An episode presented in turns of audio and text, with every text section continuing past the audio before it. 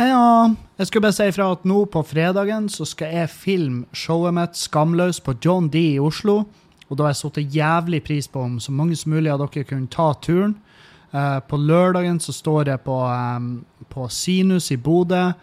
Runde tre i Bodø. Der er også, vi er langt over halvveis utsolgt, så jeg gleder meg som faen til å gjøre show i Bodø igjen. Uh, kjøp billetter, kom på show. Eh, dere gjør det så ufattelig trivelig for meg å reise rundt og gjøre det her. Og det har vært jævlig fett å ha litt folk i salen, spesielt når vi skal filme det. For da, la oss være ærlige, det har jo sett jævla glissent ut om, eh, om, den, om den salen var tom. Så, eh, så jeg håper vi ses der. Eh, I tillegg så kan jeg fortelle at eh, for dere som ikke har fått det med dere, som er patrions, så har jeg lagt ut en eh, ny video der fra Skubare og oppussinga der. Og så skal jeg også legge ut eh, noen muligheter der for noen freebies, eh, type billetter og sånn. Så eh, bare følg meg på Patrion, så høres vi videre. Og nå over til dagens podkast. Ja, for denne meldinga den jeg spiller inn etter jeg har spilt inn podkasten. Hæ? Er ikke det sjukt at det går an? Jo, det går an, fordi at jeg bruker GarageBand, eh, og da kan jeg flytte lydfiler enkelt og smidig rundt uten at det blir et problem. Så nyt dagens uh, podkast. Trenger ikke å nyte den. Trenger bare å ha den i bakgrunnen, eller lytte veldig nøye til det. Jeg legger meg ikke borti hvordan du konsumerer din podkastunderholdning.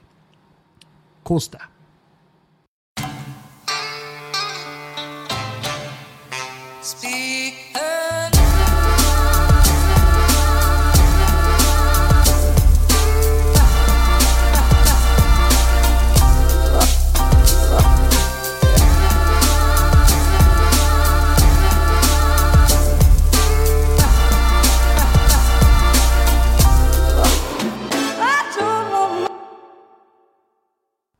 Hallo, god dag og velkommen hit til Klagemuren. Det er tirsdag 4. februar, og klokka mi er 10.24. Mitt navn er Kevin Kildahl. Ja, det er det.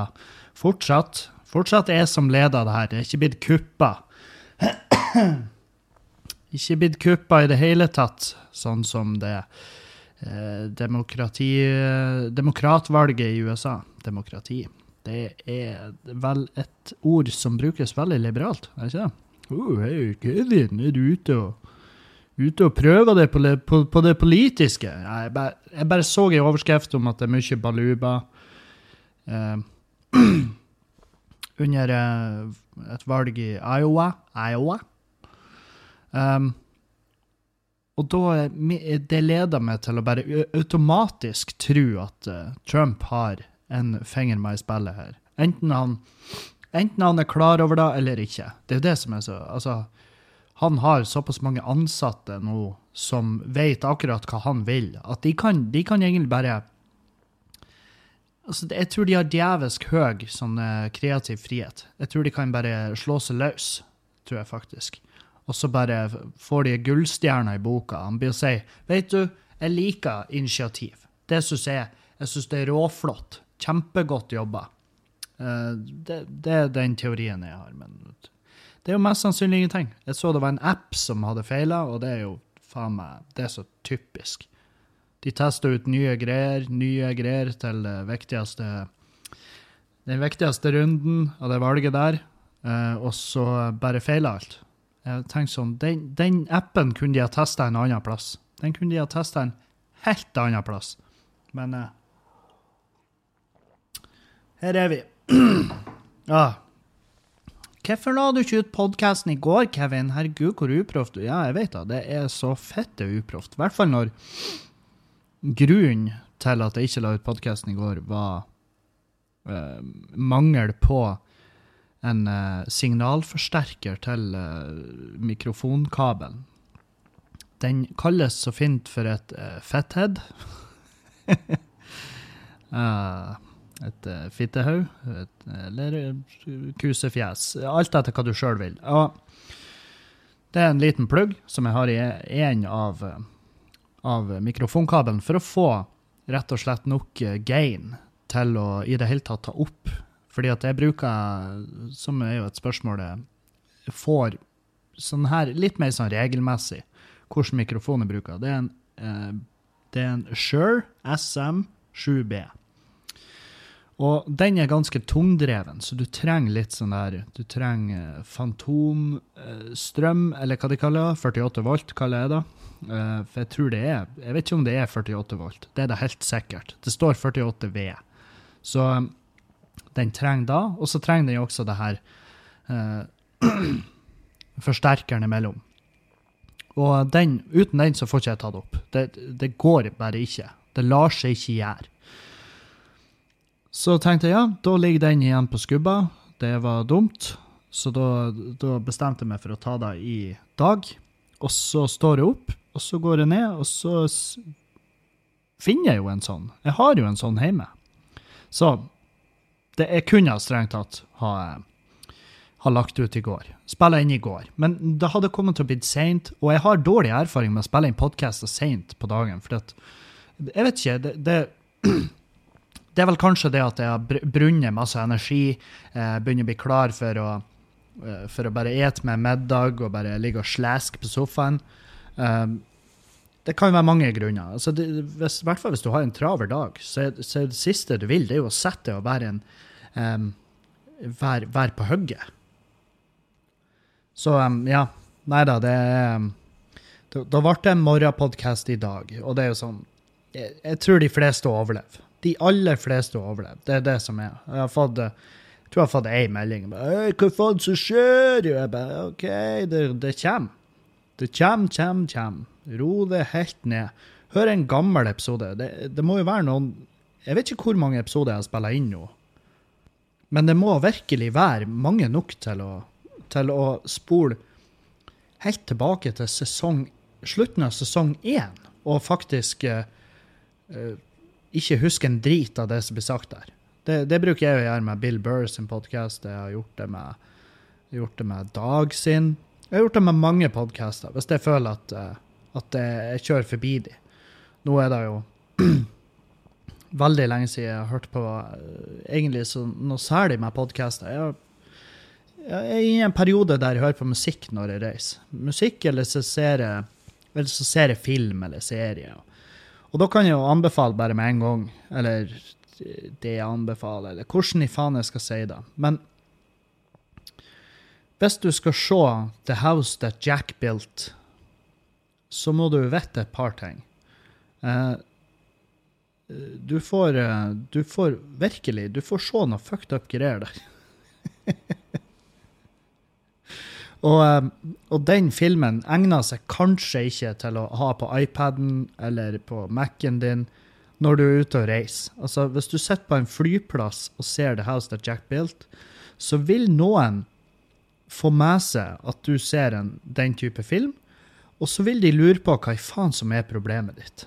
Og de kan til og med finne på å spørre det.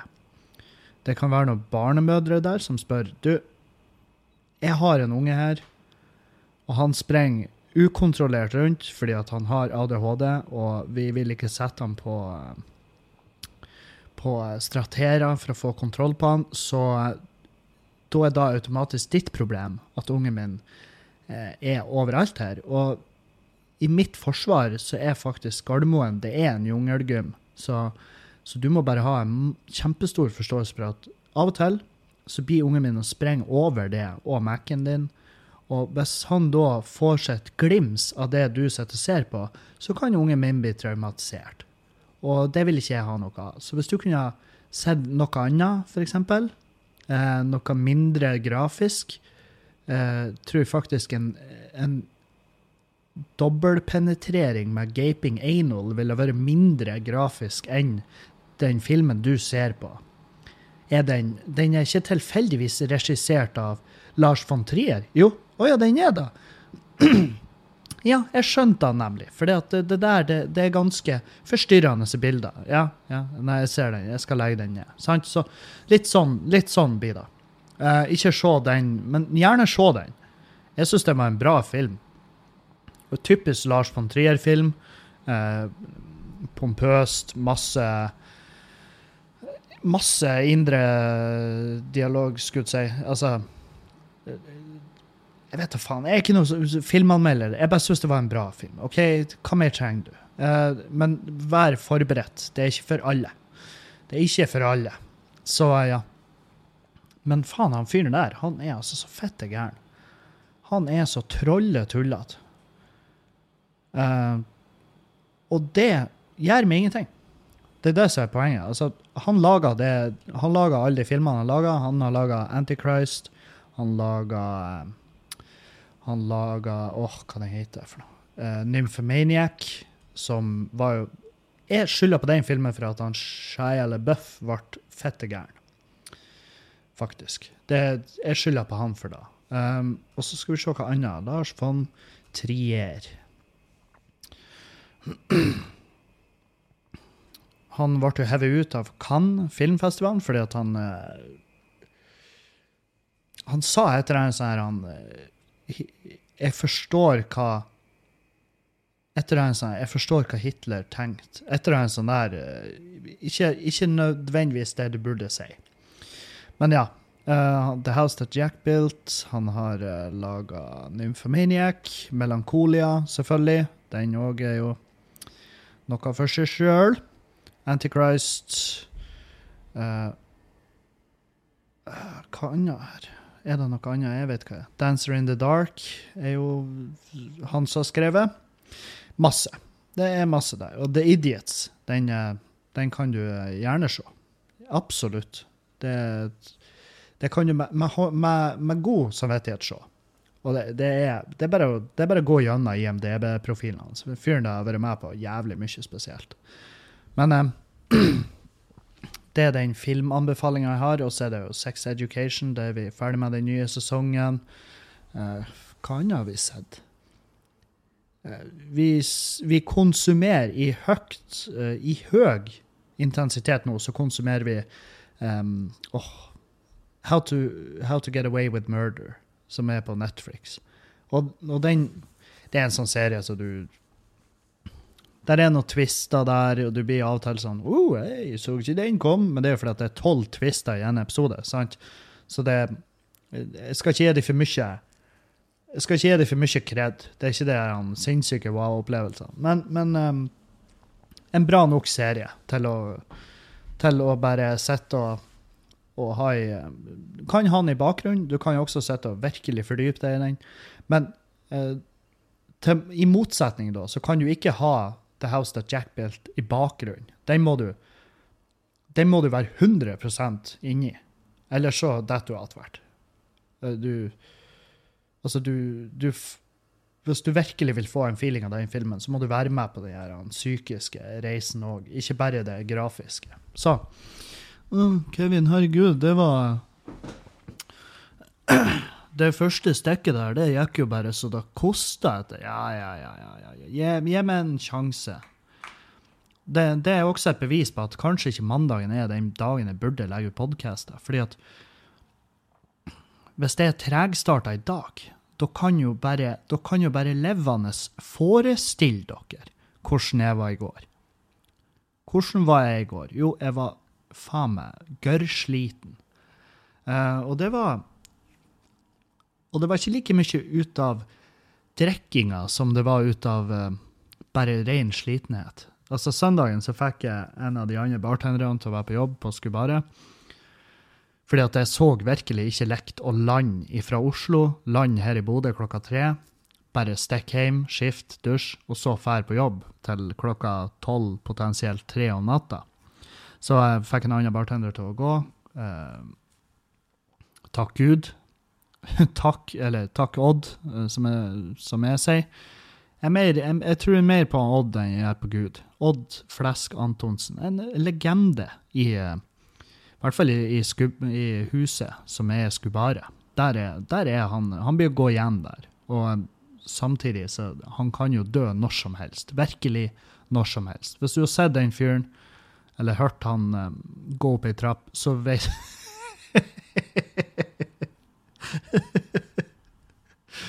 ja. Men faen, jeg elsker egentlig hele det forbanna gjengen vår. jeg innså det i helga at Beklager, det er kaffemaskinen min som bare vil ha, ha et innspill. Men jeg, hele det gjengen med ansatte ute på Skubaret, bare Faen meg, jeg er dritfornøyd. Det er altså et, et veldig sveisa, veldig bra, veldig morsomt gjeng Så, jeg, så vi kan Jeg kan ha utbrudd som, som eksempel, da. Når jeg tar med fem øl, så eh, sparker jeg alle. På kødd. Altså, jeg sparker jo ikke alle, jeg er jo ikke ute og leverer oppsigelser. Men jeg bruker, eh, jeg bruker setninger som 'dere har fyken' veldig ofte. Spesielt når jeg drikker. Så um, men, men det syns de bare er skøy. Og i helga så fikk jeg en melding om at jeg hadde fyken. Så det var jo, det var jo litt sånn Ja, da går det begge veier. Og vi vi har det bare artig på jobb. Og er ikke da som er meninga, i hvert fall når du skal jobbe i, i, barbransjen. Hvis du i tillegg ikke liker å være på jobb, så, eh, så er virkelig så er, så er, den jobben for hard. Den, folk vil bare ikke takle det. Så jeg tror team, teamet Herregud, teamet er altså det viktigste. Og det er det. Det, det, det høres ut som en klisjé, men i, denne, i hvert fall i denne situasjonen så er teamet det dritviktig. Så um, så jeg prøver å skryte masse av dem, og så kjefter jeg på dem hvis de er for dårlige å vaske, eller eh, hvis det er noe som bare ikke stemmer. Så um, Jeg beklager, jeg har et eller annet i halsen. Jeg vet ikke hva det er. La oss håpe det ikke er noe alvorlig. La oss håpe jeg ikke er terminal uten å vite sjøl. Altså, om jeg har vært terminal, sa det, det har ikke vært så mye å gjort med det. Men jeg skulle i hvert fall ha visst det sjøl. Sånn at jeg slapp å bruke tid på ting som egentlig er planlagt for fremtida. Sant? Hvis, hvis jeg nå hadde funnet ut at ja, du har seks måneder igjen å leve, så har jo ikke jeg trena. ja, men trening, Kevin, det kan faktisk, eh, det kan faktisk kurere kreft. Jeg, jeg vet ikke. Jeg, jeg, tror, jeg, vet ikke om jeg tror på det, men jo, selvfølgelig. Trening, god mat, det har eh, hjulpet mange som har vært terminal. Men jeg, jeg mener hvis det har vært sånn skikkelig 100% sikkert at jeg skulle dø sjuk, så hadde, så hadde ikke jeg trena. Jeg hadde kanskje gått opp på et fjell og sett, fått meg med utsikta, for det, det syns jeg er helt nydelig. Men jeg har jo ikke dratt inn på et treningsstudio og stilt meg på ei eh, tredemølle. sant? Det, det, hadde jo, jo bydd meg svært imot. Jeg har ikke stått der og traska mens det sto ei Bertha på sida av meg som var 150 ganger mer fit, og hun har skaffa seg en sånn dritbra trenings... sånne camo-tights som også har en kammo-topp som passer. Og så sprenger hun intervaller eh, som er full spurt i 45 minutter. Og så er det to minutter gange, og så repeat. Og det der kjører hun åtte runder, mens jeg står der og trør i oppoverbakke, svetter, peser, kjenner at pulsen min er altfor uregelmessig. Og jeg vet at ah, kanskje jeg fremskynder det her uunngåelige døden som egentlig skulle komme i ja, jeg vet ikke hva det blir slags måned, men la oss si juli. Sant? Så um, hadde du, du som lytter, hadde du, hva du hadde prioritert hvis du skulle dø? Hvis du fikk beskjed nå om at seks måneder, da daua du. Jeg hadde jo eh, Hva jeg hadde gjort? Jeg hadde jo først og fremst beklaga til Julianne for at uh, for at mitt tidligere liv har gjort det sånn at jeg aldri får forsikring. Sånn at hun da, eh, når jeg da daua, så hadde hun måttet mest sannsynlig solgt huset. Um, jeg tror kanskje da jeg tror, jeg tror, jeg hadde prioritert å Jeg tror jeg hadde prioritert å få gjort mest mulig på huset. Jeg hadde jo sagt til uh, gjengen på Skubare at sorry, men jeg må prioritere å gjøre uh, gjøre etterlivet til og Julianne best mulig. Så jeg hadde gjort mest mulig ferdig i huset her, sånn at hvis hun ble nødt til å selge, så hadde hun i hvert fall fått noe igjen for det. Skjønner? Så det hadde vært en verdiøkning. Hadde, det hadde jeg tenkt. Kanskje, kanskje, det hadde vært det mest um, Ja, hva det heter det? motsatte av egoistiske. Det mest uh, sympatiske. Faen, hvorfor vet ikke jeg det her? Det jo, hvorfor får jeg brain freeze på det ordet? Um, motsatt av egoist. Altruisme. Uselvisk og offervillig holdning. Ja, der, ja. Motsatt av Altruisme er det motsatte av egoisme. Altruisme. Altru... Det? Dagens fremmedord. Altruisme. Det skal jeg det skal jeg ta aktivt i bruk, bare fordi at ingen vet hva det er for noe. Så jeg bare da var noe veldig altruistisk av det. Og de bare ja, jeg vet, det har du med i et nøtteskall.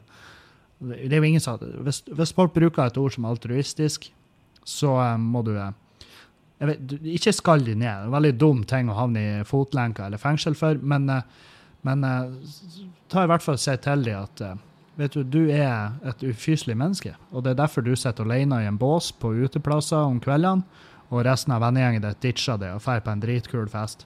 Så ja. Apropos dritkule fester. Jeg var i en... Nå i helga så var jeg i Lillestrøm på fredagen. Det var faen meg helt nydelig. Og så var jeg i Fredrikstad på lørdag, som var minst like nydelig. Og jeg har showene mine veldig tidlig. Jeg har de klokka sju. Som er superspesielt for min del. Altså, jeg er ikke vant til det. Jeg er ikke litt vant til det. Men det, det har falt i smak, kan du si. Fordi at da, når jeg er ferdig med show, så har jeg mye mer igjen av dagen min. Skjønner? Og, um, og når, både i Lillestrøm og i Fredrikstad, så eh, da bodde jeg liksom på hotell i, eh, i Oslo, i Oslo by, og da eh, kunne jeg stikke innover til Oslo etter showene. Så det gjorde jeg. Jeg stakk innover eh, når, når jeg landa på Gardermoen, så stakk jeg, da tok jeg flytoget bare rett til Lillestrøm. Fordi at jeg så at jeg hadde ikke Jeg kunne, jeg kunne rekke å dra til Oslo og sjekke inn på hotellet, og så hive meg på et tog igjen tilbake til Lillestrøm. Men jeg, jeg bare Jeg tenkte at det blir en eh, Det blir en lite økonomisk og en veldig dum Altså, da får jeg hastverk, uansett hva jeg gjør. Så jeg, jeg bare stakk til Lillestrøm, og så satte jeg meg på Gulating pub uh, i, um, i Lillestrøm, og, og uh, det- var yes, det var greit. Jeg, så- til å være en Gulating-pub så hadde de jævlig få øltyper som jeg hadde lyst på. og så hadde de, de hadde ingen meny på den øla de hadde i kjøleskapet.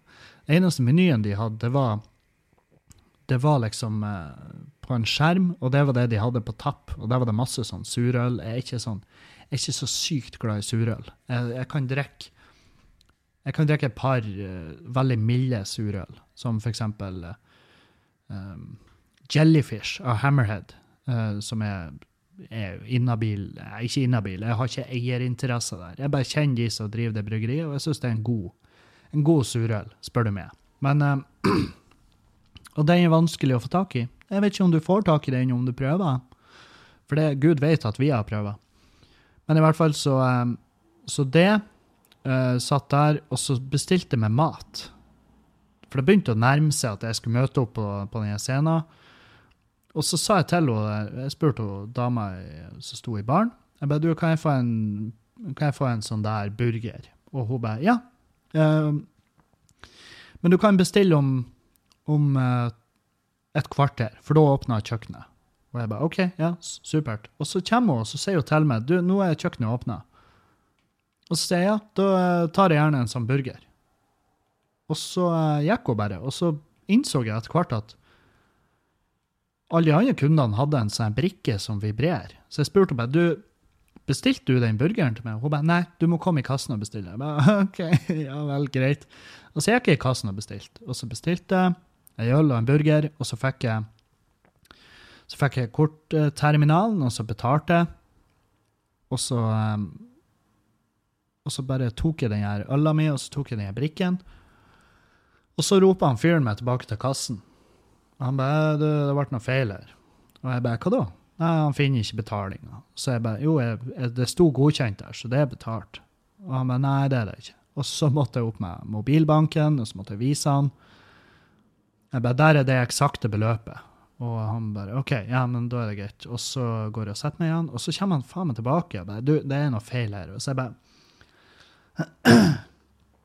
så sier du, jeg håper dere har begynt å lage den maten. For nå, begynte jeg å bli, jeg å bli Hege, sant? Alle, du, du vet ei typisk sånn Hege. en Karen, som er veldig typisk i Instagram-memes. Altså, de som er bare De som er truende til å si til servitører kan jeg få lov å prate med sjefen din. Sånn der type folk. Sånn var jeg på tur å bli. For jeg var sånn, hvis jeg ikke får den fuckings maten før jeg må stikke på den jævla lydprøven, så blir jeg å klikke her inne. For jeg var så sulten. Og, og jeg sa bare du, du, du, må bare du må bare speede opp den burgeren. Den forbigår absolutt alle andre bestillinger. Det, jeg lover det. Hvis det brenner på kjøkkenet, hvis det brenner i trynet på han kokken, så flipper han den burgeren før han stikker hodet i vann. Skjønner? Den type humør var jeg. og jeg syns jo jævla synd han fyren, for jeg skjønner jo altså det, ble jo noe feil med det kassegreiene, men jeg har jo visst han. Den, at, jeg, at, jeg, har betalt. Og så, så, så, var jo jeg dum nok til å spørre du kunne jeg fått ei kvittering.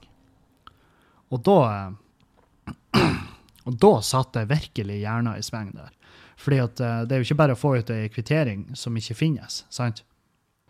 Men ja, det, det endte jo bare med at jeg bare ikke jeg, jeg, fikk en papirlapp som var jo verdt si vekt i Jeg vet faen pukk. Og um, Så jeg stakk derifra, var med veldig middels fornøyd. Men de hadde, de hadde Leafmanns frutesse, som er blitt en ny sånn der Som er en, blitt en greie jeg setter uh, overraskende stor pris på.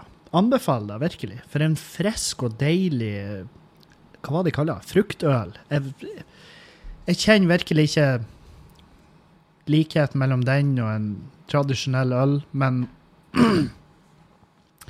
gjør man da i disse dager, i disse humletunge, eh, fruktige dager, det, med alt det spesielle vi gjør med øl, så er det så er virkelig ikke frutesse den, det mest spesielle. Jeg er jo jeg blir jo bare mer og mer sånn der Hva det heter Bereist innenfor øl. Jeg kan nyte en blytung stout, og jeg kan nyte en, en frisk, liten, uh, tynn lager, en kølsj, om du vil. Og å se, se, skjønnheten i, i hver av de. Men så, så hvis, jeg skulle, hvis, jeg skulle, nevnt en favorittøl per i dag, så hadde det vært Amundsen. Sorry. Amundsen uh, Apocalyptic Thunder Juice. Den uh, skåra veldig høyt hos meg. Og det er bare meg. Det er bare min smak. For dere som nå sitter og river dere i håret og har tenkt å sende meg melding og bare Hei, du, du har faen ikke peiling på øl. Det er Amundsen Apocalyptic Thunder Juice. Det er faen meg det neste det, det, det, er akkurat det samme øla som Carlsberg er. Nei, det er ikke det. I hvert fall ikke for meg. Jeg syns den er helt fantastisk. OK? Så kan du like hva nå enn du liker. Uh, og, men jeg får jo veldig mye tips om øl, da. Folk dere må ta inn den og den, og det er selvfølgelig kjempeartig. Og noen av de tar vi jo faktisk inn, fordi at vi har fordi at de ligger i portalen, sånn at vi kan kjøpe de. Og noen av de blir vi aldri å ta inn. Noen av de blir vi aldri å ha lager for, og, og det får være. Vi har hatt en som etterlyst Tuborg.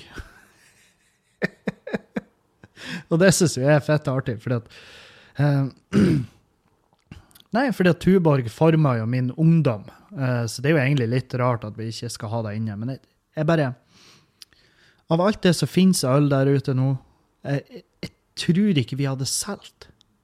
Jeg tror vi kanskje hadde solgt en og annen mm, ironisk Tuborg. Og det er jo ikke det vi, vi vil jo ikke være den ironiske puben der vi oh, hos oss så har vi pokal på tapp. Ja, hvorfor da? og, og jeg sjekka sjekka prisen. Om vi hadde Tuborg på tapp, så hadde ikke det vært billigere enn Nordlands. Så da, da er det sånn Hvorfor i faen skulle vi gjøre det, da? Det er jo ingen grunn. Ingen verdens grunn til å gjøre det. Så ja. Um, etter uh, Hvor var jeg? Lillestrøm. Ja. Uh, på showet. Fantastisk fint show. Herregud, for en nydelig sal. Og jeg ble fulgt opp på en uh, flott måte. Veldig hyggelige folk på huset. Veldig bra Veldig bra sal. Veldig bra sal. Og um, i salen så satt min farmor, Astrid, som er eh, trollgammel. Eh, også min tante eh, Turid. Og det var også det var jævlig kos å se de igjen. Og, og um, Og, eh, nei, det var flott, flott å se de flir. At hun farmor hun var ikke jeg tror ikke Du, du sjokkerer ikke hun farmor. Hun vokste opp eh, Hun, var, hun huska krigen, sant? Så, så hun tåler vel det aller meste uh, av de tingene hun har vært med på. Det, er ikke da at den krigen på Neverdal i Meløy var så jævla beinhard, men det var, det var vel et par folk som gikk i hen i Meløy. Uh, der I hjemkommunen min så var Jeg tror det var et par. Um, døde andre verdenskrig Meløy. Og uh, der var det uh, Ja, det var jo selvfølgelig den her uh, Det var jo selvfølgelig den her Hva det heter den ah, Forbanna Sabotasjeaksjon. Operasjon Muskedunder. Der var det jo noen folk som gikk i vei. Um, men det var, det var, folk som døde i Meløy. Det var det. Uh, men ikke så mange at, at det ble hverdagskost for de, for de som bodde der. Jeg tror, jeg tror det døde sikkert flere i bilulykker enn i selve krigshandlingen. Fordi at veiene i Meløy er jo en vits. En, en, veldig makaber vits, men uansett en veldig mørk humor. En vits kanskje Lars von Trier hadde flira seg i hjel av. Men Nei, så, så, det var hyggelig. Veldig kos å se de igjen. Uh, og så stakk jeg innover til Oslo etterpå, for rett på Latter, fordi at jeg visste at Hans Magne Skar og uh, Eirik Krokås var på Latter. Og det er jo to veldig, veldig gode venner med, som jeg setter meget pris på. Og, og så tenkte jeg, når jeg var på Latter, så tenkte jeg faen, skal ikke jeg bare skal ikke jeg prøve å karre til med en liten spot? Og så prøvde jeg da, og så gikk jeg ikke da igjennom. så ble det furt, og så stakk jeg derifra. Men dagen etter så var jeg jo i, så for jeg til Fredrikstad. For utover dit, gjorde show. Eh, også. Samme der. Helt nydelig. Nydelig sal. Og jeg skulle bare Det var vel en 50 stykk der, og jeg er veldig fornøyd med 50 stykk. For jeg tror de 50 stykkene var fornøyd, og dermed så vil det bli flere neste gang. Skjønner? Så, så, eh, det er sånn du bygger publikum. Det er i hvert fall min eh, teori rundt akkurat det der. At hvis du bare fær plasser og gjør en god jobb, så vil det komme flere neste gang. Jeg håper i hvert fall da. For hvis det ikke da går, så, så blir jeg Hvis jeg får vite en dag at det vil ikke fungere, så vil jeg for det første være uenig, fordi at det er sånn jeg har gjort det ellers. Um, og så vil jeg også bli demotivert hvis jeg plutselig får en en vitenskapelig rapport som sier at det her funka ikke. Det, det, er faktisk kontraeffektivt. Da vil det bli sånn at faen, det her er jo krise. Det er kjempedumt. Uh, for hvordan i faen skal jeg da gjøre det? Jeg, ikke, jeg bor i Bodø. Jeg bor i Bodø. Jeg får ikke lov å være med på noe TV. Uansett. Jeg, får, jeg, får ikke, jeg blir ikke invitert til Jeg er ikke kjent nok til å være med på Lørdagsrådet. Jeg får ikke lov å være med i briller, Jeg får ikke lov å være med på en dritt. Ikke en fuckings dritt. Hvis de noensinne Hvis ett kameracrew noensinne hadde funnet en frame av meg. Bare med et uhell så hadde de funnet et, et nanosekund hvor han Kevin var med på noe som skulle sendes um, som kommersiell TV, som kunne gagna meg. Altså, om jeg hadde vært i statist i Lindmo, så hadde de blurra fjeset mitt. Fordi at de er sånn Hva i faen skal han der jævla bodøværingen? Fuck han, drit i han. Få han ut. De har faktisk lagt mer arbeid i å fjerne meg enn, enn de ville sagt seg villig til å ha med meg på noe. Og ja, jeg er bitter. Jeg er bitter for at jeg ikke blir invitert med på en dritt. Jeg føler, jeg føler meg utelatt, men har jeg egentlig noe å syte over? Har jeg da? Jeg bor i Bodø. Jeg vet at noen, eh, noen muligheter er svært begrensa med at jeg bor her, fordi at uh, man blir bare ikke invitert på sånne der ting. Og takk til alle som nå bare Ja, men vi kan jo invitere han i bursdagen vår. Eller den årlige sommerkotelettfesten vår. men det er ikke det, det jeg etterlyser. Jeg, jeg, bare Jeg bare er der at uh, At jeg, jeg tenker det hadde gitt meg et lite boost. Kunne potensielt ha gitt meg et lite boost. Men jeg også hvis det hadde vært meg i noe som Nytt på nytt eller noe sånt der aktig, så tror jeg det også kunne eh, veldig fort sånn typisk Kevin så kunne jeg sagt noe dumt, og så hadde jeg måttet ha betalt for da, i stedet for å, at jeg hadde fått mer folk på show. Sant? Så det er jo det som er. Men, men ja, etter Fredrikstad, for på Latter um, nok en gang, og um, da fikk jeg lura meg opp på scenen en tur. Og det var nydelig. Jeg gjorde fem til sju minutter, som er en sånn open mic-spot. Gjorde det veldig bra. Veldig gode tilbakemeldinger. Uh, jeg var sykt spent. Jeg innså jo for to minutter før spotten min at at jeg har ikke gjort en sånn spot på dritlenge. En så kort spot. Så jeg ble veldig sånn sjølbevisst like før jeg skulle på scenen. Bare, hvordan, i, hvordan i faen skal jeg pulle det her off? Altså, jeg er jo vant til å stå uh, enten headlinerspotter Og det, er ikke, det her er ikke for å skryte, det er bare for å forklare problemet. sant? Jeg er vant til å stå Det, det jeg er aller mest vant til, det er å gjøre soloshow. Og de varer i 1 time og 20 minutter ca. Noen ganger mer, noen ganger bitte litt kortere men 1 time og 20 minutter. Og på den tida så har jeg god tid å bli kjent med publikum, de har god tid å bli kjent med meg. Eh, poengene trenger ikke å stå like tett. Eh, du, har, du, skal ikke slite ut publikummet, sant? Men det skal du på en klubbkveld. Og en headlinerspot er mellom 25 og 30 minutter, ofte. Eller 20 og 30, kan du si. Og er, det også er veldig mye lettere pull off syns jeg, per i dag. Fordi at jeg har nok materiale, men da jeg ikke har noe, det er tid til å bli kjent med publikum. Så når jeg da plutselig skal gjøre eh, frembringe masse latterer på imellom fem og sju minutter, eh, det sitter ikke like lett.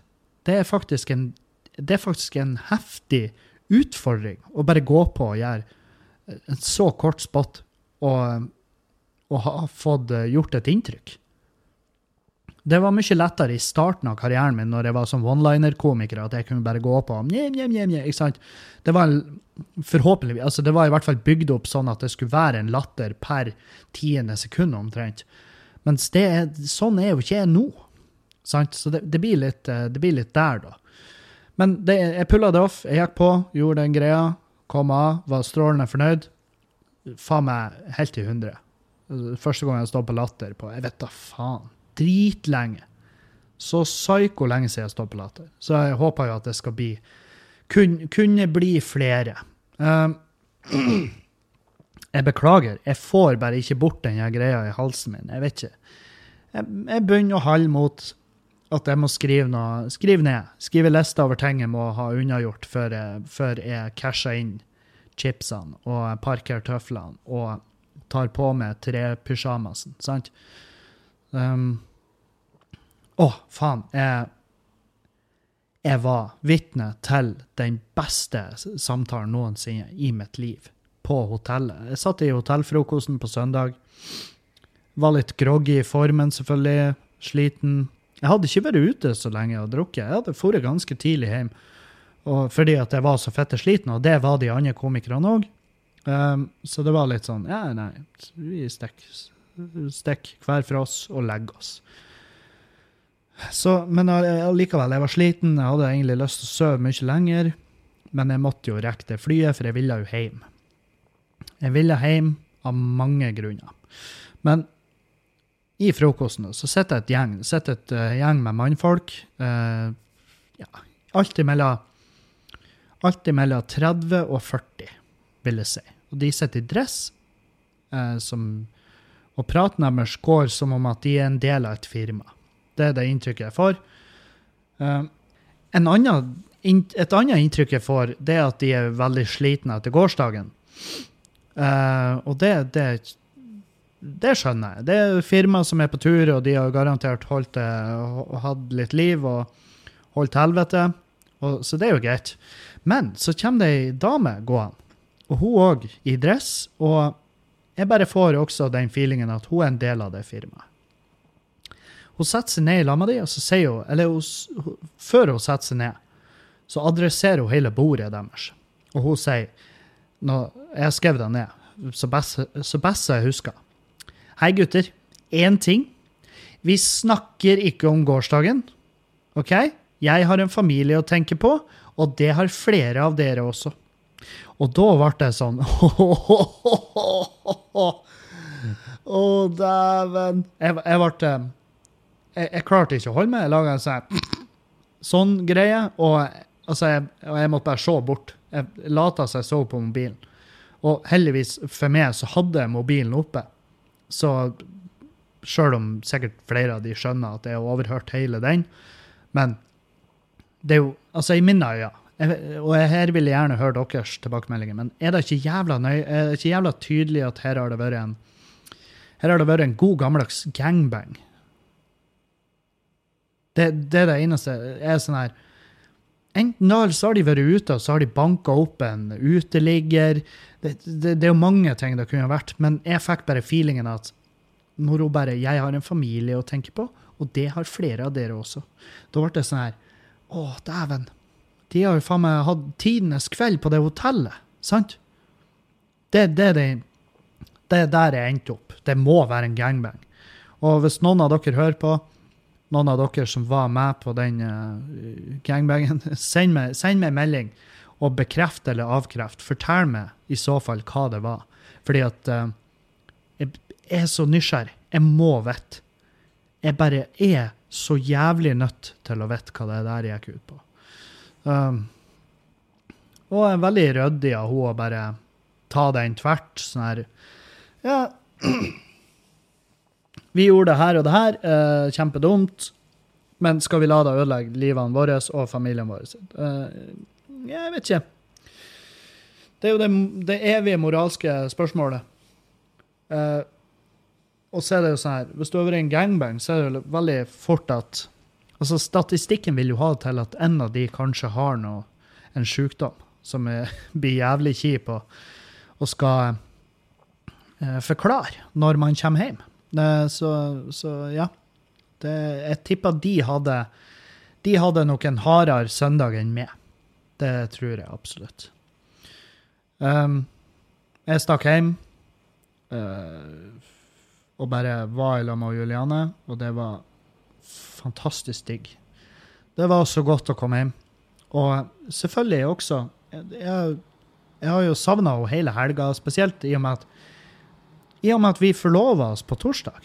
Vi forlova oss, faen meg. Jeg gikk ned på uh, det her uh, Jeg gikk ned på det gode kneet mitt, og så Så sa jeg til henne at du, jeg har Eller jeg sa da før jeg gikk ned på kne. Jeg sa til henne du, jeg har prata med mor di, og bare for å sjekke at det var greit for henne, og jeg lurer på om du har lyst til å bli eh, jeg, tror, jeg tror jeg snubla på ordene der. Om du har lyst til å bli min forlovede. Om du har lyst til å gifte meg med på sikt. Og så går jeg ned på kne, og eh, hun ble uh, svimmel og uh, flira veldig masse. Og 'ja, herregud', og jeg bare 'yes', og så klemte vi, og så kyssa vi masse, og så, så var vi plutselig forlova. Så enkelt kan det gjøres. Jeg har ikke kjøpt henne en ring. Fordi at jeg vet Hvis det er noe jeg vet om Juliane Og her har du Kevin. Han ser litt fram i tid. Hvis det er noe jeg vet, så er det at hun er svært kresen på eh, materielle ting som hun skal ha på kroppen sin til hver tid. Så hvis jeg hadde kjøpt en ring, så hadde oddsen tilsagt at den ringen var ikke rett. Så, um, og det er en ærlig sak, altså fordi at um, hvis jeg skal kreve at hun skal få trø rundt med noe som jeg har kjøpt til henne, så kan jo i hvert fall hun kreve at det er noe hun har lyst til å ha. Og hun har jo lyst til å ha en ring, men hun har jo ikke nødvendigvis lyst til å ha en hvordan som helst ring. Så uh, vi skal fære vi skal forhandle en ring i lag, og så skal vel jeg òg ha en ring. Eh, hun mente at det ikke var nødvendigvis så vanlig at gutter hadde forlovelsesring. Men jeg, jeg mener eh, Han pappa hadde noe, da. Det mener, jeg, det mener jeg nå virkelig på. At han pappa hadde forlovelsesring. Og hvis ikke, så har i hvert fall ikke jeg noe Jeg har ingenting imot å ha en ring. Det, det blir kos. Uh, Erlend satte meg jo veldig på Satte meg veldig ut der på torsdagen. bare sånn, ja, Hvorfor i faen skal dere Hvorfor forlover dere? Og så en lang sånn her jævla typisk tirade om det er så jævla ubrukelig. Det, det er din mening. det er jo det jeg skulle ha sagt. Jeg skjønner ikke hvorfor jeg entertainer det engang. Men uh, For min del så er det råkos. Det er råstas, og um, det er jo min måte å Altså, det er jo som eh, det er jo sånn man markerer områdene sine. Det er jo som en katt. Altså, og jeg kan jo ikke akkurat Jeg kan jo ikke pisse på sant? For å, for å sette ei dunst der, sånn at alle andre kattene holder seg unna. Og det er ikke egentlig Jeg er ikke, jeg er ikke, jeg er ikke redd for at det skal komme en annen dude ut av ingen plass og bare sjarmere henne. Hvis jeg ikke har sjarmert henne i senk til nå, så blir det aldri å skje. Så det, det er ikke der frykten min er. Men uh, det er jo ikke noe frykt innblanda. Det, det, er bare at jeg hadde lyst til å gjøre det. Og jeg vet at hun hadde lyst til at jeg skulle gjøre det. For jeg har plukka opp de hintene. Jenter er forferdelig flinke med hint. de er ikke flinke å holde de subtile, uh, men de er veldig flinke å hinte, i hvert fall. Så, um, så det skjedde jo på torsdag i forrige uke, hvis dere ikke hører på den livepoden. Jeg vet at det er noen lyttere som ikke hører på de crosspodene, så det er derfor jeg sier det. Nå er jeg droppa da, vi er forlova. Um, hva annet? Uh, I går Å, fy faen. Helvete hvor nært. Jeg kjørte og Juliane på jobb, og så skulle jeg skynde meg utover til på, på for å ta imot noen varer. Og så, ja, så kjørte jeg litt fort. Kjørte litt for fort. Um, og jeg har perioder der, der jeg er litt for, uh, litt for tung på den her gassfoten. Litt for hissig på den her høyrefoten her også. Og um, så i tunnelen i Bodø så fikk jeg blålysene i ryggen, og uh, jeg tenkte nå, er, nå ryker lappen. Det var min første tanke. Fordi at jeg tror jeg har prikker på det sertifikatet. Sant? Og jeg er bare usikker på hvor mange prikker. Så jeg blir litt sånn her eh, Faen. Og det har jo vært, la oss være ærlige, det har jo vært fette krise hvis jeg har fått, hvis jeg har mista lappen. Det har vært horkrise. Det har vært så jævlig dumt. Men jeg tenkte ja, ja, til passe åt deg, din dritt. Det var sånn Jeg, var, jeg, jeg han fyren Jeg blir ikke sur på politifolk når jeg blir tatt for noe, sant? Når jeg har fucka opp, så jeg, jeg legger meg bare flat. Ruller ned ruta. Han bare Ja, førerkort, sier han da, og han bare Ja, det, du skjønner sikkert hvorfor jeg har stoppa det? Jeg bare ja. Så han det gikk litt fort. Ja, sier jeg, det gjorde det. Og jeg gidder ikke engang å prøve å forklare han hvorfor heller. Fordi at med en gang du forklarer jeg måtte skynde meg for jeg skulle ta imot varer, da er det automatiske svaret. Hvis du sier ja, 'kjerringa mi ligger og føder på sykehuset', jeg, må skynde meg, jeg skulle skynde meg å ta imot varer', jeg, har, jeg må hente ungene i barnehagen, så er det automatiske svaret ja, men sånn som du kjører, enn hvis du aldri hadde nådd fram. Enn da hadde han fyren fra Schenker Logistics han hadde måttet stått på lasterampen din og skjønna ingenting. Fordi han hadde jo nettopp ringt deg, og du sa 'ja, ja, jeg er der straks'. Og så kom du aldri, mens han står der og fryser på lasterampen med en europall med varer til det, og, som aldri ble henta inn. Som bare ble stående på lasterampen. Han hadde ikke noe annet valg enn å bare sette henne ut der, og folk Eh, lugubre folk på Mørkved hadde kommet og strømma mot, og de hadde plukka sund den pallen og fordelt varene seg imellom broderlig, sånn at folk hadde hatt plutselig et fantastisk utvalg av fine cocktailglass i stua si hjemme eh, og på studenterkollektivet sitt. og Plutselig hadde Jensen to meter oppi gata der, han hadde ei fette ny limepressa som bare han briljerer med på enhver fest hvor det drikkes eller spises mat som burde tilsettes lime, som f.eks. mat fra det indiske kjøkken. Hva, hva hadde du skulle ha sagt da? Nei, du kunne ikke ha sagt noe fordi du har vært død. Hvis du skulle plukke opp ungene i barnehagen, du var litt seint ute. Ja, det skjer. Men det som også skjer, er at folk kolliderer. De kler bilen rundt en løktestolpe, så får de aldri henta ungene i barnehagen. Ungene står der og lurer. Barnehagetanta blir frustrert og sint. Hun begynner å ringe og legge igjen beskjeder. Det her er ikke greit. De ringer til slutt mora til ungene. Mora kommer utover og henter. Det er ikke sikkert hun er i lag med faren lenger, så hun òg er irritert. Og så får de en beskjed om at eh, han er omkommet i en bilulykke. Så får alle dårlig samvittighet fordi at de har vært irritert på han når det viste seg at han var bare litt seint ute. Og så ble han nå for alltid seint ute. Hæ? Hæ? Satt ikke den dypt i følelsene dine? Veldig mange av de som hørte det her nå, har mest sannsynlig mista noen i ei trafikkulykke. De kjenner noen eller har noen veldig nært seg som, som døde pga. ei trafikkulykke. Og da, det, Poenget mitt er at de argumentene der at «Øh, skulle Ja, men skulle bare er en typisk setning. Skulle bare er jo faktisk navnet på puben. og, og det er sånn der eh, Så, så jeg, jeg, gidder ikke å krangle med politifolk når, når jeg blir stoppa for å kjøre for fort. Fordi at jeg vet hva motargumentet er. Det, for det er ikke noe argument at du har dårlig tid. Det er din egen feil. Det er kun din egen feil hvis du har for dårlig tid. Og hvis det ikke er din feil, så har du ikke noe å bekymre deg for. Strengt tatt. Sant? Så jeg krangla ikke. Han sa det gikk for fort. Jeg sa helt enig. Han bare er du villig til å ta imot et forenkla forelegg, sier ja. Vi skal ikke møtes i retten. Så han går tilbake til bilen sin, setter seg inn, og så kommer han ganske fort tilbake og så sier han, du, jeg har ei anna utrykning. Jeg må være en annen plass nå. Så hvis du blåser inn her, og det står null, så slipper du unna. Og jeg blåst så er jeg blåst som en gud. Jeg trodde jeg skulle blåse unna apparatet. Og er dere ikke i at det er for lite motstand i de her det er for lite motstand i en som promillemåler. Jeg føler at jeg har, jeg får, Hver gang jeg blåser i en som promillemåler, så føler jeg at faen, du har elendig du har elendig lungekapasitet, Kevin. Og, men ja, jeg blåste null, og han bare Ja, ha en fin dag, kjør roligere, og vær glad for at du sparte den der. Så hoppa han i bilen og kjørte, og så kjørte jeg.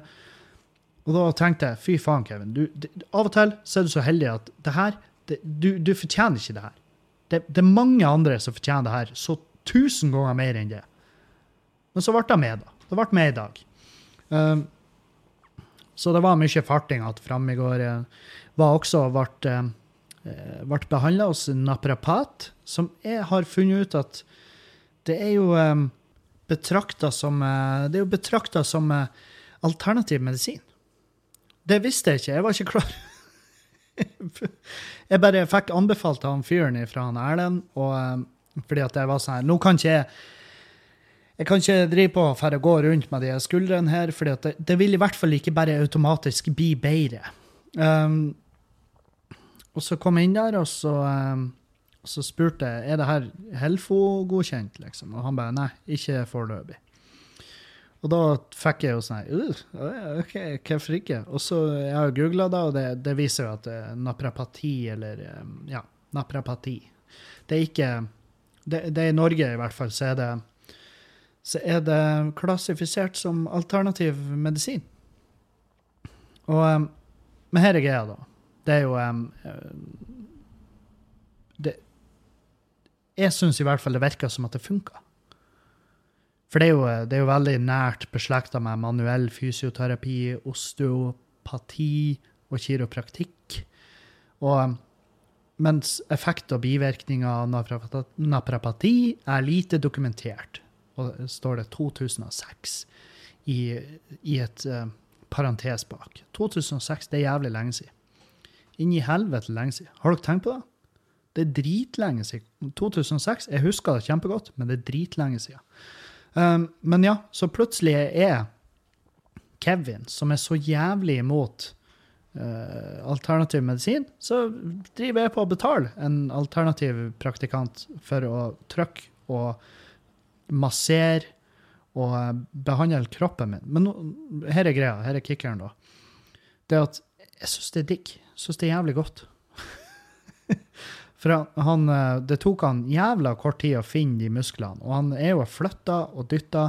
For skuldrene er jo en veldig sånn veldig avansert uh, et veldig avansert område som muskelmessig. Og det tok han veldig kort tid å finne Bare med å se bevegelsene mine, se strukturen. Altså, jeg måtte ta av meg, så måtte jeg stå rett foran han, så sto han og så på skuldrene mine, så på de mot hverandre, og han bare Ja, jeg ser hva det er. Og så, og så ba han meg løfte armene hit og dit, og så så han på trynet mitt når jeg fikk vondt, og han bare OK, ja, greit. Og så legg det ned. Og så trykker han og styrer, og så finner han den muskelen umiddelbart, som jeg kjenner at Å, helvete, vi er på rett plass. Og så masserer han, og jeg har forferdelig vondt i ja, gjennom stort sett hele behandlinga, eller i hvert fall i starten, og så avtar det litt. Og det er vel, jeg vet ikke hvorfor, om det er at han kanskje At det kommer blod til, at, det får, at han øker sirkulasjon, som da gjør at eh, etter hvert så er det ikke like vondt. Og så bare behandler han i en, ja, en sånn legetime, som er jo 45 minutter. Og så går jeg derifra og så føler jeg meg lettere. Jeg har en større bevegelsesmønster, jeg har det, jeg har det bedre, jeg sover bedre. Eh, I natt så sov jeg på den ene skuldra som det er snakk om, som jeg ikke har fått til på lenge, lenge. Så, så et eller annet funksjon har det. Og da er det greit nok for meg. Da er det greit nok for meg. Jeg skal være forsiktig med å anbefale noe sånn til noen, mens eh, i samme tid det funker for meg. Og eh, foreløpig så får, jeg, får vi se om det her er en av de tingene som Om det her er en av de tingene jeg må bare bite i meg og bare eh, faen, det tok jeg feil. Det artige er jo hvis det plutselig en dag bare hører et smell, og han bare Oi, faen, det var dumt. Har du bruk for den armen, eller? Ikke sant? Det, det er, er svært eh, Da skal jeg være den første til å si jeg tok feil. Men uh, det er i hvert fall i Sverige og Finland og USA så er det mm, Så er naprapati beregnet Altså det er sett på som en på en hva det heter, godkjent eh, medisin. Altså sånn helsebehandling. Jeg vet faen. Jeg, jeg er langt ute på viddene her. men og alt det her er basert på det jeg leser på Det store norske leksikon, som veldig, veldig mange av mine ting jeg prater om, så bare finner jeg infoen, og så later jeg som at Å, det er infoen jeg har sittet inne med helt siden jeg ble født. Men det er info jeg kun nyligere tilegna meg, så, så uh, bær med meg. Men jeg har jo huslegen her. Huslegen, du kan fortelle naprapati. Hva dere når dere nevner det på lunsjrommet, sitter dere og flirer da? Sitter dere Sett dere oh, yeah.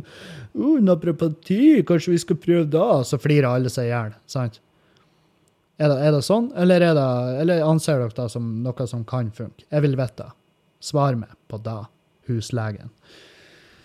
Uh, men helvete, for en mann han fyren. Han er jo en enorm fyr. En, en svær, brautete dude med langt skjegg og tatoveringer og sterk. og jeg var sånn her, Når han lå og gnudde på meg, så tenkte jeg bare jeg tenkte bare, Hvis han hadde hatt lyst nå altså Hvis han hadde bare bestemt seg for at jeg skal faen meg knulle han Kevin, så hadde ikke jeg hatt noe jeg skulle ha sagt.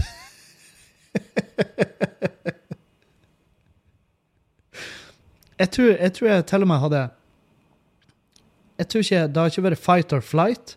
Jeg, jeg tror jeg hadde fryst. Jeg hadde fryst, og så har jeg åpna. Jeg hadde ikke, jeg hadde ikke knipa att. Jeg hadde bare vært sånn OK, han har Han er jo naprapat, så han har jo et, et forferdelig bra utvalg av uh, oljer som vi kan bruke. Og hvis det bare spiller meg, så blir det her å gå fort over. Og så hadde jeg bare hadde jeg bare unngått å bestille en til time etterpå. Og så hadde jeg mest sannsynlig stengt meg inne og vært i en, i en skam. Jeg, hadde, jeg, vet ikke om jeg hadde jeg vet, jeg vet, ikke om jeg hadde anmeldt det. Det er da som er den her typiske manne... Den her, her stoltheten. Hadde jeg anmeldt det? Eller hvem vet, kanskje jeg hadde digga det. Så jeg får det tilbake sånn fire ganger i uka. Tror Julianne da, hvis det er bare Vet du hva? forlov, vi forlova oss forrige uke, men jeg har et forhold til naprapaten min. og hun hadde vært forbanna, og så har hun sett han, og så har hun tenkt ja, OK, det, er det et forhold, eller er det en, eller er det en følelsesmessig gisselsituasjon jeg er vitne til? Jeg, vi vet ikke. Men uh, ja, poenget mitt er en, en enorm uh, brautete mann. Uh, virker som han er flink i det han gjør, så nå gjenstår det bare å høre og se også fremover om de behandlingene funker. Hvis de ikke gjør det, så skal jeg ta det på min kappe. Så ja. Og um, så var det ut på Skubba. Ta imot et nytt kjøleskap, fordi at vi har kjøleskap som har gått til helvete, og det er jo litt sånn her krise når de flaskeskapene går sund. Det ødelegger masse for effektiviteten i baren. Det ødelegger, ja, det ødelegger mye. Så det var veldig digg å få levert da. Fått levert masse nye glass eh, som vi trenger. Fordi at vi driver på å forme vårmenyen. Uh! Ja, ja. Vi skal ha sesongmenyer på Skubare. Så nå blir det en vårmeny med mye mer friske cocktails og sånn. Så vi har masse forslag på uh, forskjellige cocktailer vi skal ha. Og så, må vi bare, så skal vi ha en sånn prøvekveld med de ansatte. Så tar vi først et sånt møte, sånn personalmøte, hvor vi skal være strenge og bare oh, det er viktig at vi følger de rutinene her og de her og de her. Og så etterpå skal vi prøvesmake alle de alle de uh, cocktailene på menyen, og så skal vi ta en avgjørelse i sånn plenum, hvor vi skal stemme litt. sånn, ja, Vi stemmer for det her, vi stemmer for det her. Så så skal vi få, det, få de menyene ut. Og det, jeg gleder meg. Jeg gleder meg veldig. Og så tror jeg at det å, å ha en sånn her meny som går litt sånn at den forandrer seg, da tror jeg vi holder kundene eh, interessert. Eller gjestene. Holder gjestene interessert. Og så tror jeg også vi holder de ansatte interessert. Tror, tror vi holder de gira, sånn at de er sånn Ja, faen, jeg får fornya meg, jeg får prøve noe nytt. og så, så, slipper de å være fette lei. For det er jo ingenting som er det er ingenting som er kjipere enn å stå i baren, og så bare Så har vi alle de her deilige drinkene på menyen, og så bare kommer det noen 'Jeg skal ha en uh, vodka battery'. Man blir sånn her Altså, man lager ikke den med kjærlighet. Det gjør man ikke. Man fetter den isen i det glasset, hiver oppi, og så tar man ekstra betalt. Fordi at energidrikker og brennevin er et særs dårlig miks, men vi kan ikke bare ta det av. Altså, vi kan ikke slutte å ta det inn, fordi at vi selger altfor mye av det. Dessverre. Og jeg prøver, hvis det er kunder uh, som jeg kjenner, altså hvis det er folk jeg kjenner, så, så uh, anbefaler de andre ting. Jeg gjør det. Jeg sier det her er billigere, og det er, for å være helt ærlig, smaker mye bedre, og du slipper å du slipper å plages med søvn fordi at du har tatt i deg 14 eh, liter i løpet av en kveld med altfor høyt koffeininnhold på den energidrikka. Så eh, kan jeg anbefale den her, og så sier de nei takk. Og så sier jeg OK, du fikk i hvert fall valget. Det er jo det som betyr noe. At de skal i hvert fall få muligheten. Men hvis det ikke så skal ikke jeg legge meg borti. Der er masse andre ting. Masse andre ting du Jeg tenker sånn her hva du ikke gjør i en bar, og det er jo tonnevis. Altså, jeg, jeg meldte meg inn i en sånn gruppe på Facebook for bartendere, og der er jo kjempemasse artig. Vi, jo, vi har jo en fyr Vi har jo en fyr som uh, var innom hos oss, som Han drakk kun korona, og han, for hver korona han bestilte, så roper han 'Kan jeg få korona uten virus?' Og da eh, tenkte jeg faen, du eh, kan jo ta den flaska. ta alle flaskene og sette på dem. Jeg, jeg, jeg ble bare lei. Um, mens eh, det, det, er jo bare et forsøk på å være litt skøyal. Litt uh, liten uh, tøysekopp akkurat der. Så det må jo, det må jo være lov, herregud. Men, men uh, ja, man, man, er kjent på det. Men det er masse, altså, der er masse ting som irriterer meg ti ganger mer. Som folk som trør opp på kanten, og så henger de innover baren og vifter med kortet sitt. Hvis du gjør det, hvis du er den type menneske som gjør det, så kan jeg love deg at du er den siste som får servering. Folk som henger over baren og vifter med kortet sitt, de tar jeg sist, med vilje. Så hvis du føler at køen blir lang, har du gått, har du gått i det sjøl og lurer på oppfører jeg meg som et sånt rævhøl at de kanskje ikke har lyst til å servere meg? Ja, mest sannsynlig. Og hvis du er det type menneske som blander to drinker sammen, altså når du bestiller to uh, ting, og så blander du de i hopen på bardisken rett foran øynene mine, som ikke er lov, så, um, så er du et rævhøl. Og da tar jeg fra deg drinken, og så ber jeg deg pent om å forlate. Uh, og så hvis du diskuterer Hvis jeg sier, hvis jeg sier du, du får ikke mer, og så begynner du å diskutere, så kan jeg love deg at det er en diskusjon uansett. Uansett hva poengene dine er, så vil du ikke få mer servering. Og, og i tillegg da så blir det å huske fjeset ditt, og så vet jeg da til neste gang du kommer innom. Og så eh, hvis du hiver snus, snus eller tyggis, faen, da er du faen, du er et ufyselig jævla drittmenneske da. Det er lov å spørre. Det er lov å gå på dass, hive i søppelkassene der. Du har lov å spørre oss i baren, så skal vi tømme det jævla lokket ditt. Hvis du tømmer deg på gulvet Jeg tok en fyr på fersken i å gjøre det. Jeg sto rett på sida. Og så så jeg han bare tømt lokket ned på gulvet, og da pikka jeg i han. jeg dytta han i skuldra, sånn jeg bare sånn Hei. Og han så opp på meg og bare Å, helvete. Det er jo en Kevin. Det er jo han som driver. Og han fyren han bare Det var så patetisk, for han bare sånn ned på kneet og så bare skupa opp all den snusen han heiv på gulvet. Og all ære til han for at han tok ansvar, men han hadde jo aldri kommet til å gjort det hvis det ikke var der. sant? Så, um, så jeg vet ikke. Men jeg håper jo at det, at det forårsaka en form for uh, personlighetsforandring på han fyren. Men uh, det, er jo ikke, det er jo ikke 100 sikkert. Um, Ja. Nei, jeg har fått uh, noen spørsmål til poden, men det, uh, det vanlige spørsmålet, det som jeg har fått tusen ganger de siste fire ukene Ja, uh, Arnt Finesse, det gamle artistnavnet mitt, er selvfølgelig inspirert av den kjente og kjære norske seriemorderen Arnt Finesse. Det visste dere. Det skjønte dere. Mange som fikk en sånn Wow, er det der det kommer fra? Ja, det er det. Og det har jeg prata masse om. Jeg prata masse om det, men jeg kan godt nevne det igjen. Um, og så har jeg fått spørsmål om Game Changers, den her eh, dokumentaren på eh, Netflix. Eh, jeg har sett bare litt av den, så jeg skal se den ferdig først at, før, jeg, før jeg uttaler meg om det. Men det er jo, spørsmålet går jo ut på hvor ekte det er, hvor sant det er. og sånn. Så det skal jeg jo også gjøre litt research på. Men det må jeg gjøre etter jeg har sett den, for jeg vet, jo, jeg vet jo hva den går ut på. Jeg vet hva den går ut på, og det er jeg ganske sikker på at min konklusjon kommer til å være ja, det her stemmer. Så, um, så ja. Men uh, vi får se.